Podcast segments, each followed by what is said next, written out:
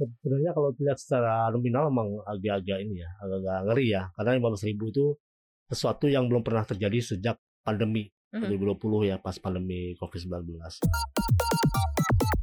Lihat data BPS, itu di indeks perdagangan besar, eh, inflasi di tingkat produsen, itu ada beberapa eh, harga barang yang cenderung naik dan itu kelihatan banget eh, konon apa tinggi, eh, unsur impornya tinggi kayak Hmm. mie instan kering, kedelai, Kira-kira tren pelemahan rupiah itu masih bakal ada nggak sih? Kita tuh harus antisipasi kira-kira Yes. sampai berapa lama sih ke depan? Koneksi. Konten ekonomi seksi.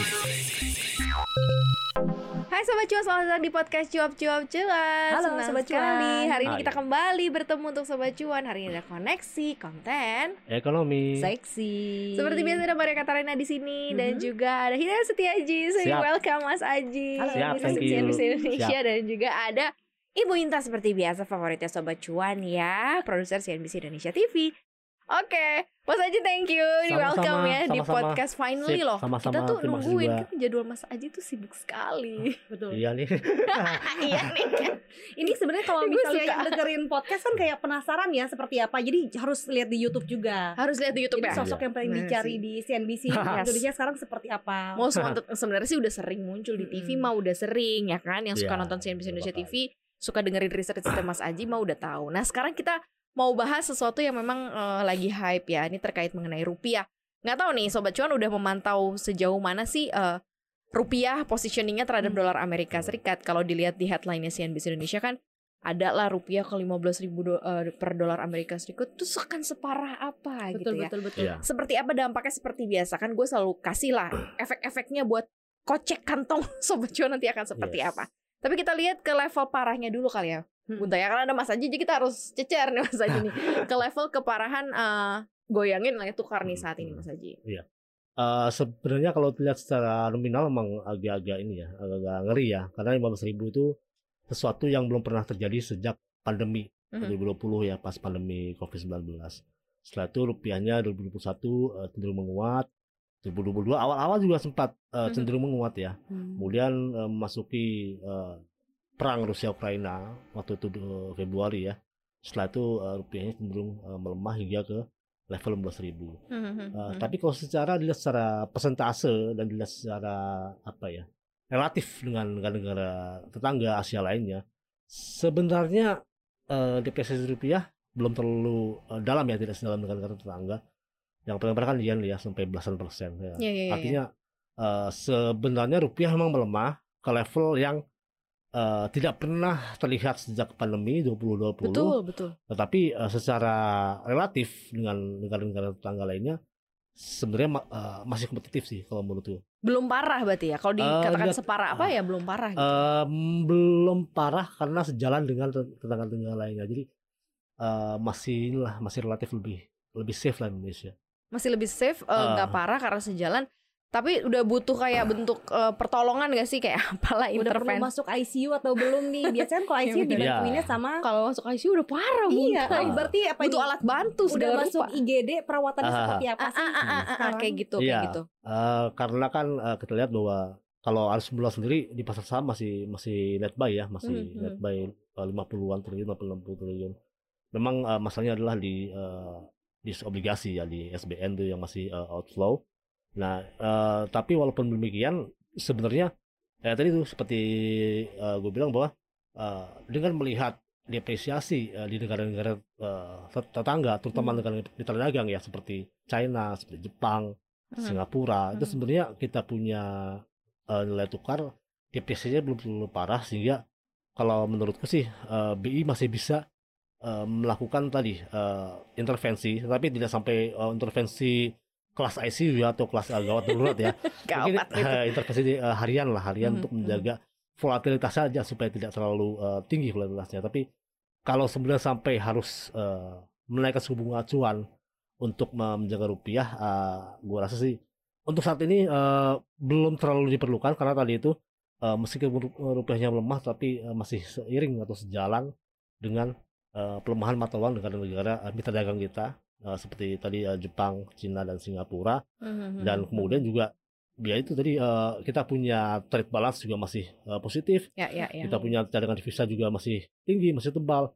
Kita punya apa namanya eh, current account juga masih eh, surplus. Ya artinya eh, secara fundamental ekonomi kita relatif kuat dan itu bisa jadi eh, modal bagi rupiah untuk eh, tetap bertahan tetap eh, terjaga stabil sih jadi Ekonomi mungkin belum perlu Indonesia. intervensi yang berlebihan kalau menurutku Biasa kan Hmm. kalau rupiah melemah itu kan artinya lebih banyak permintaan terhadap dolar ya. Betul. Yes. Ternyata dari Indonesia sendiri bisa eh, mengcounter kebutuhan dolar itu karena tadi ya. iya Yang karena kita masih betul tinggi. betul Betul. Terus tadi Cadangan eh, devisanya masih cadangan tebal. devisa Cadef, tinggi. Jadi betul. sebenarnya posisi rupiah itu nggak kalah-kalah banget dengan permintaan dolar yang Hmm. tinggi karena Ya. kita lagi banyak misalnya impor energi, Betul. impor Hmm. pangan seperti Hmm. itu ya. ya rupiah emang kepleset tapi nggak jatuh lah Eh kepleset itu masih bisa pegangan, Ma- ma- walaupun sambil kayang. ya walaupun lagi gini dong. tapi jatuh Mungkin perekonomian uh, Indonesia nggak masalah, mungkin perekonomian kantong gue yang bermasalah kali. ya. Nah, Karena kalau mau Betul, belanja kan betul. jadi ada sesuatu yang harus di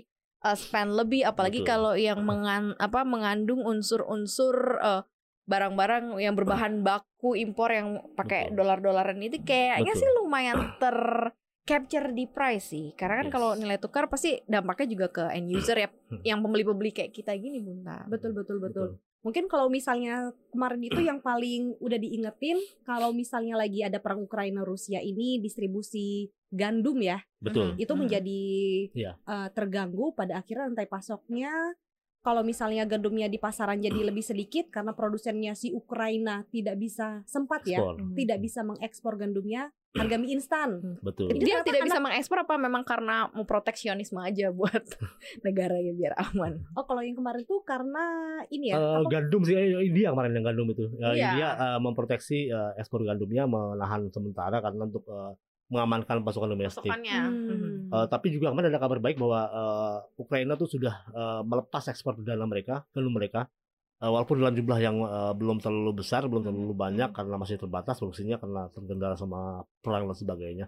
Tapi udah mulai ada produksi, sudah mulai ada ekspor, sehingga itu diharapkan bisa mengurangi tekanan harga gandum secara global. Hmm, Tapi jadi emang naik nih tekanannya instan. udah terasa sih. Eh, kemarin juga waktu kita lihat data BPS itu di indeks perdagangan besar eh, inflasi di tingkat produsen itu ada beberapa eh, harga barang yang cenderung naik dan itu kelihatan banget eh konon apa emang tinggi eh, unsur impornya tinggi kayak Hmm. mie instan kering, kedelai, Mie instan naik. kering ya sudah naik eh, secara di pabrik ya. kenaikannya kira-kira berapa ya itu lagi jarang makan mie instan lagi hidup sehat maksudnya Bagus. Bagus bagus itu. Gak usah makan. tapi makan spaghetti oh sama aja ya Di pabrik sudah naik. Eh, tapi mungkin di konsumen eh, belum terlalu terasa ya. Hmm. Heeh. Ya udah, udah naik dari sisi produksi tapi belum tercapture ke harga jual. Betul, betul. Mungkin Oke. juga mungkin eh, dunia usaha masih punya punya buffer lah, punya semacam Memperkecil margin dong punya berarti ya, perusahaan ya. kecil. Atau jangan-jangan ntar makin kecil ukurannya minstanya aduh. Itu. itu kerasa ya ternyata bentuk inflasi Iya, itu iya, bukan iya, dilihat iya, dalam iya. bentuk harga aja tapi dari ukuran barangnya betul, betul. snack Betul. biasa snack anak-anak. Yang isinya angin doang. Iya. ya yang ukurannya tadinya memanjang terus akhirnya dia isinya ini eh, tadinya satu panjang ada Terus snack Menyusut ya. iya menyusut Beneran tapi- itu. beneran terus tapi isinya menyusut jadi setengah tapi eh, dibikin jadi dua jadi kelihatannya banyak Ah. padahal ukuran lebih pendek eh, karena inflasi itu Ibu detail Iya. sekali memperhatikan ya. Iya, betul Tapi itu Anaknya nyata ya, itu nyata ya. Berarti udah sangat tergambar ya. Mungkin bagi yang notice, eh, wah ini ketahuan nih mungkin ukuran mie instan gue lebih kecil atau Iya, ukuran atau- snacknya lebih Iya. kecil gitu ya. teh-teh dalam kemasan mungkin juga kotaknya jadi lebih ramping Betul. botol kerasa gak sih botol minuman ya botol minuman tuh tadinya tuh lurus tiba-tiba dia ada lekukannya Iya. Apa apa eh, apa teh teh teh eh, teh kemasan teh Ya, kemasan. sebenarnya lekukan itu kan betul artinya ada pengurangan Betul, eh, Bukan estetik ya, Iya, tolong dia ya. mengurangi eh, apa bahan baku, penggunaan bahan baku. Bentuk dari inflasi ternyata Betul. bisa seperti itu Karena Dan- kan pasti kan dari minyak ya. Mhm. Eh, dari minyak bahan bakunya, kemudian juga minyak di luar yang naik kan. karena Dan- minyak juga ini kan apa eh, bahan baku untuk pembuatan plastik ya kan Betul, betul. jadi kemasan itu ya, kena dampak dari impor energi Betul. yang Betul. biayanya ternyata menggunakan dalam mata uang dolar dolar di mana rupiah kita juga lemah jadi wa- wajar lah kemudian kalau sekarang beberapa produk atau barang-barang jadi meningkat ya. Betul. Kayak contohnya gimana nih Bunta? Bunta sudah menyiapkan soal contoh untuk dibagikan. Sayang loh. Jadi jadi di- bukan cuma lu ma- makanan nih kalau misalnya waktu tahun 2019 itu Desember kita ingat ada beberapa produk dari iPhone ya. Waktu Mm-mm. itu mereka mengeluarkan ada iPhone 11, 11 Pro dan 11 Pro Max. Mhm. Dalam setelah diluncurkan Desember 2019 ke pasaran Hmm. dalam waktu tiga bulan eh, era itu ada kan emiten yang jadi Era distributor. Iya. untuk eh, ponsel juga ini dia menaikkan harga karena pelemahan rupiah. Mm-mm. Waktu itu aja rupiah berada di kisaran 13 ribuan waktu zaman Covid. Mhm. Iya. Itu kenaikan harga ponselnya mulai dari 500 ribu sampai 2,3 juta untuk per unitnya. Kenaikannya. Iya. Oke. Tapi pada akhirnya ya kalau misal ponsel mungkin orang bisa bela-belain ya, tapi ya cicilannya jadi lebih Iya. panjang sebulan dua bulan mungkin karena untuk mengkompensasi harga yang naik. Kenaikan harga Dan itu. sekarang mungkin eh, ada tambahan ya karena sekarang tidak hanya rupiah yang melemah, tapi juga kemudian bahan baku pembuat ponsel kayak misalnya let's say eh, barang-barang logam lah, tembaga, nikel, timah, Mm-mm. itu kan semua harganya naik. Mhm. Nah itu selain kenaikan, eh, Kenaikan harga kenaikan ya. kurs ya apa pelemahan eh, kurs rupiah, eh, biaya eh, harga bahan bakunya juga naik gitu. Jadi ada dua dua dua hit gitu, dua, dua Hmm. pukulan, dua Hmm. tekanan yang Hmm. Harga ponsel akan sangat mungkin naik. Tadi itu harga timah, tembaga, eh, nikel dan sebagainya yang eh, dalam ada di komponen pembuat ponsel itu eh, naik semua. Mhm. Nah itu yang bikin mungkin harga ponsel akan naiknya bisa lebih tinggi daripada pas COVID karena Mhm. tekanannya tidak hanya tekanan dari dari kurs tapi juga dari harga bahan bakunya yang meningkat. Karena kalau dilihat dari kondisi nilai tukar ya nggak tahu nih sobat cuan di sini ngerasain nggak dulu zaman tahun berapa tuh 98 yang Ya. ada gerakan cinta rupiah jual Ah, dolar iya, iya, iya. yang kayak gitu terus kemudian juga eh, waktu itu harga rupiah vers- versus dolar tuh apa gila-gilaan naik ya karena waktu itu Betul. dari level 16 ribu itu sempat ya. iya 2000 2500. ribu ke berapa gitu 16 kan ribu, 16 ribuan. Idi. Kalau mungkin Bang Haji masih inget banget waktu itu Bang Haji udah Ah SMP. udah SMP. Kayaknya aku baru mau masuk SD mungkin ya. iya iya iya Soalnya pada dari TV doang tapi belum terlalu kerasa efeknya. kerasa efeknya. Nah ini ap- a- kalau sekarang mungkin enggak ya, nggak di kalau kita similarisi Mm-mm. similaritika dengan kondisi itu nggak akan ke sana gitu. Oh iya, ya, karena kan itu kan tadi seperti eh, Mari bilang dari 2500 ke 16 ribu. Hmm. Itu berapa persen itu kan? Depresinya sangat eh, besar kan. Eh, sekarang sih masih ya masih 2-3 persen kalau rupiahnya belum melemah. Jadi masih masih jauh dari itu sih. Mhm, mhm. Sebenarnya kalau misalnya buat pelemahan rupiah ini kan kalau tadi eh, salah satu alasannya krisis pangan dan krisis energi ini karena Betul. perang Rusia dan Ukraina.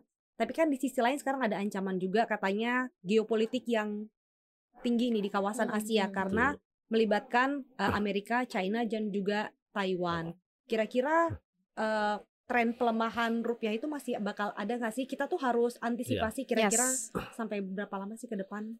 Eh, s- kalau kita lihat eh, kondisi geopolitik ya, geopolitik eh, hubungan antara Cina dan eh, Amerika ini memang naik turun ya. Apa Mhm. eh, panas dingin lah, panas dingin.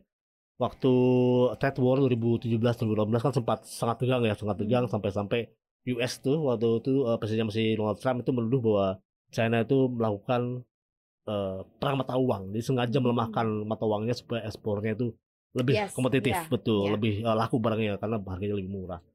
Kemudian juga setelah eh, 2020 itu eh, sempat ada trade terus eh, apa eh, damai dagang Mhm. eh, perwakilan dari China datang ke White House Gedung Putih kemudian ada kerjasama eh, untuk mengakhiri perang dagang tapi akhirnya kemudian eh, COVID-19 datang eh, hubungan China dengan eh, US kembali memburuk karena Trump sempat menuduh bahwa China itu eh, biang keladi atau biang kerok Hmm. dari Hmm, hmm. pandemi COVID-19. Nah, kemudian eh, masuk eh, masa pemerintahan eh, Joe Biden sempat membaik hubungannya.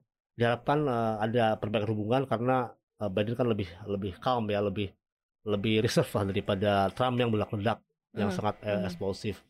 Kemudian juga ternyata eh, Biden juga masih agak galak dengan dengan eh, China dengan eh, melakukan apa namanya eh, blacklist terhadap beberapa perusahaan eh, China terutama perusahaan teknologi. Iya iya iya. Iya, jadi kalau kita hubungan Cina dengan US itu naik turun ya, naik turun dan risikonya itu uh, one off sih. Jadi saat itu dia memburuk, dia Hmm. akan membawa sentimen negatif di pasar yang membuat uh, arus modal tuh keluar dari aset-aset berisiko dan Hmm. ke uh, memilih ke aset yang lebih aman. Tapi kalau kemudian ada perkembangan yang uh, positif yang ternyata hubungannya tidak terus memburuk, tetapi uh, kemudian uh, datar aja gitu, Mhm, nggak langsung mhm. eskalasi naik, itu akan membaik. Itu eh, itu uh, sementara sih kalau menurutku. Jadi kalau menurutku itu uh, memburuknya hubungan US China itu uh, on off ya. Begitu Hmm, dia oke. on memburuk itu pasti akan membuat uh, dampak negatif. Tapi begitu dia uh, pereda Hmm. atau mem- sedikit membaik pasti akan uh, jadi sentimen positif di pasar. Sebenarnya ada satu lagi yang membuat uh, rupiah kemudian uh, berisiko melemah, Mhm. itu karena uh, tren suku bunga tinggi di uh, dunia di global. Di belahan negara geng barat Betul, kali ya. betul. Uh, cuma tidak hanya di barat, bahkan tetangga kita tuh Australia dah Juga udah naikin. Iya, kemarin baru naikin uh, suku Hmm. bunganya 50 bps ya. Uh, kemudian dibuka di uh, Jepang sih belum ya masih negatif. Di Singapura, di uh, India sudah naik, di Korea Selatan sudah naik, US sudah naik, Inggris sudah naik. Ya itu uh, inilah uh, yang membuat uh, BI seakan-akan terkurung ya, Mhm. terkurung atau te- atau uh, terkepung dengan uh, bank sentral negara lain yang sudah naikin suku bunga gitu.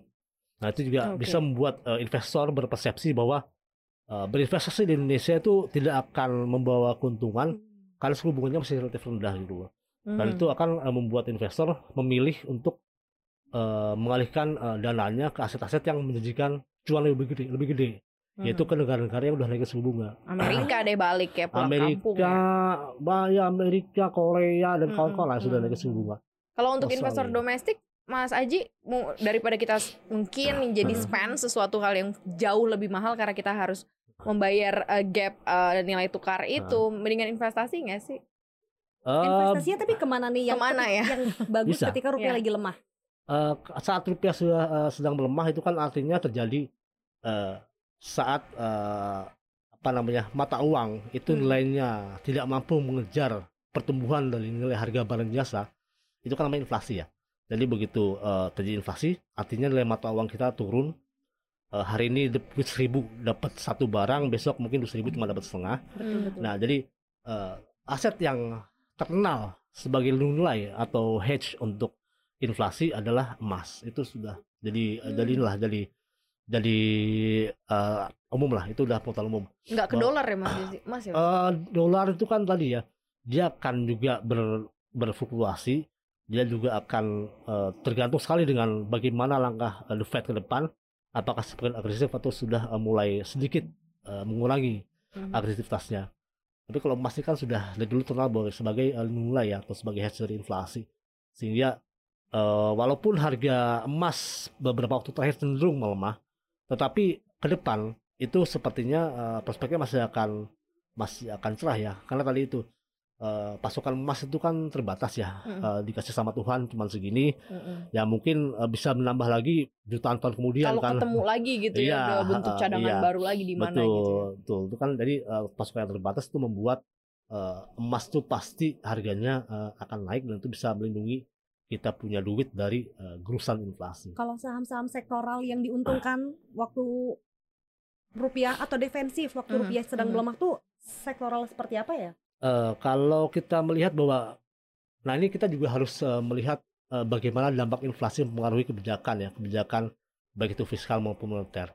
Kalau kemudian eh, rupiah melemah, inflasi tinggi, kemudian Bank Indonesia memutuskan untuk naik suku bunga akhirnya ya, karena nggak tahan lagi dengan inflasi yang sudah eh, sudah begitu tinggi, maka sektor-sektor perbankan itu mungkin akan diuntungkan ya, karena sektor perbankan akan Oke. memiliki eh, NIM yang lebih tinggi Mhm. karena mereka punya bunga bisa naik, eh, mereka punya NIM bisa naik dan itu bisa laba mereka bisa lebih eh, besar lagi lebih- dan itu bisa membuat eh, investor bisa mendapatkan dividen lebih banyak. Tapi juga Oke. sebenarnya masyarakat Indonesia ini bisa bantu pemerintah juga loh supaya eh, rupiah ini tetap bertahan kuat. Misalnya tadi tidak Cara. menimbun dolar ya, walaupun dolar itu dalam keadaan Aku kondisi cinta baik. rupiah dong berarti. Tapi ya betul. Ya. Terus di sisa lain juga kita kalau wisata lebih baik wisata di domestik daripada Betul. wisata di luar negeri daripada harus nuker Devisa ya. duit ya. permintaan dolar lebih besar. Terus dolar. belanja kalau belanja mau online pun online yang di dalam negeri. Ya, Belanja produk-produk Indonesia. Seperti Iya, itu. iya, iya. Kayaknya sebenarnya masyarakat Indonesia walaupun kita bisa bilang eh, ketika rupiah melemah, aduh nanti dampaknya kita juga. Mhm. Kita bukan cuma jadi tipe yang mengeluh ya kan. Kita Betul. bisa membantu juga. betul. Mungkin gerakan cinta rupiahnya nggak kayak waktu 98 ya yang nggak ekstrim. kayak gitu. Apa, Enggak yang masih duit. jual- iya, Betul. iya, Iya, jual jual jual dolar. do- dolar nggak Ya, kayak gitu kalau- gitu. Tapi kalau- banyak melakukan aktivitas ya. di dalam negeri Hmm. itu udah cukup membantu tadi yang Betul, seperti kita Betul. bilang Ya juga. mungkin kalau Mbak Maria atau Bunta pakai skincare ya pakai skincare yang domestik. atau, atau skincare lidah buaya yang ada di halaman rumah Iya bikin sendiri kan. ya. Iya bikin sendiri. Jangan skincare lidah buaya yang ada merek yang butuh Luarnya, dolar butuh Kalau dolar. belinya di luar negeri Iya. itu nanti akhirnya rupiahnya melemah Rebut. dong Jadi kalau ngomong sama ibu-ibu langsung dibilang skincare tolong ya. kendalikan skincare-nya Iya.